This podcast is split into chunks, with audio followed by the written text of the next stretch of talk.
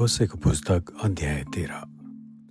इजरायलको विरुद्धमा परमप्रभुको रिस। इफ्राइम बोल्दा मानिसहरू काम थिए। इजरायलमा त्यो उच्च पारियो तर बाल देवताको पूजा गरेर त्यो दोषी भयो र त्यसको मृत्यु भयो। अब तिनीहरू झन बढी पाप गर्छन्। तिनीहरूले आफ्ना निम्ति आफ्नो चाँदीले ढालिएको मूर्ति बनाउँछन्। अर्थात् चतुराईसित आकृति निकालेका मूर्तिहरू ती सबै शिल्पकारका कामहरू हुन्।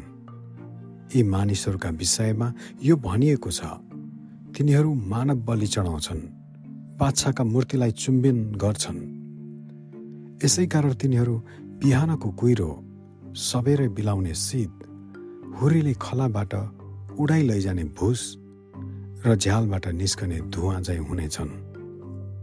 तर म त परमप्रभु तिमीहरूका परमेश्वर हुँ। मैले तिमीहरूलाई मिश्र देशबाट निकालेर ल्याएको छु। म बाहेक तिमीहरूले अर्को कुनै ईश्वरलाई अर्को कुनै उद्धारकर्तालाई स्वीकार गर्ने छैनौ। मरुभूमि अर्थात् चर्को गर्मी भएको देशमा मैले नै तिमीहरूको हेरचाह गरेँ। तब मैले तिनीहरूलाई खुवाएँ। तब तिनीहरू सन्तुष्ट भए। जब तिनीहरू सन्तुष्ट भए तब तिनीहरू घमण्डी भए। त्यसपछि तिनीहरूले मलाई भुलिहाले। यसैले म तिनीहरू कहाँ सिंह जस्तै आउनेछु। चितुवा झैँ तिनीहरूको बाटोमा म ढुकी बस्नेछु। छाउराहरू खोसिएको माउ भालु झैँ तिनीहरूलाई आक्रमण गरेर म तिनीहरूलाई च्यातचुत पार्नेछु। सिंह झैँ म तिनीहरूलाई भक्षण गर्नेछु। जङ्गली जन्तुले तिनीहरूलाई फहराउनेछ। हे इजरायल म तिमीहरूलाई सर्वनाश गर्नेछु किनकि तिमीहरू मेरो विरुद्धमा तिमीहरूका सहायकको विरुद्धमा छौ। तिमीहरूको राजा कहाँ छ? कि त्यसले तिमीहरूलाई बचाउन सकोस्? तिमीहरूका सबै नगरका शासकहरू कहाँ छन्? जसका विषयमा तिमीहरू भन्थ्यौ हामीलाई एउटा राजा र राजकुमारहरू दिनुहोस्। यसैले मेरो रिसमा मैले तिमीहरूलाई एउटा राजा दिएँ। र मेरो क्रोधमा मैले त्यसलाई उठाइलगेँ। इफ्राइमको दोष सञ्चित गरिएको छ। त्यसका पापहरूको लेखा राखिएको छ। स्त्रीको प्रसव वेदना जस्तै त्यसमाथि दुःख आउनेछ।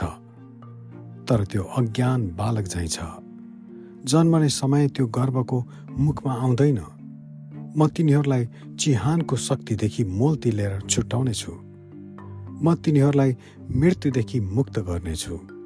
ए मृत्यु तेरा महामारीको प्रकोप कहाँ छ?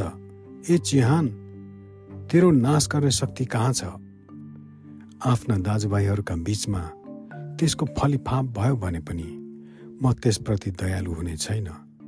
परमप्रभुबाट एउटा पूर्वीय बतास मरुभूमिबाट बहेर आउनेछ।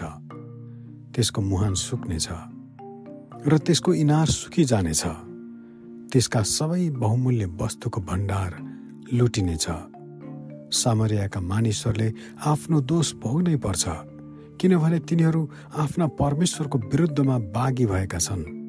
तिनीहरू तरवारले ढल्नेछन् तिनीहरूका बालकहरू भुइँमा लडाइरहनेछन् मारिनेछन् र तिनीहरूका गर्भवती स्त्रीहरूका पेट चिरिनेछ आमेन।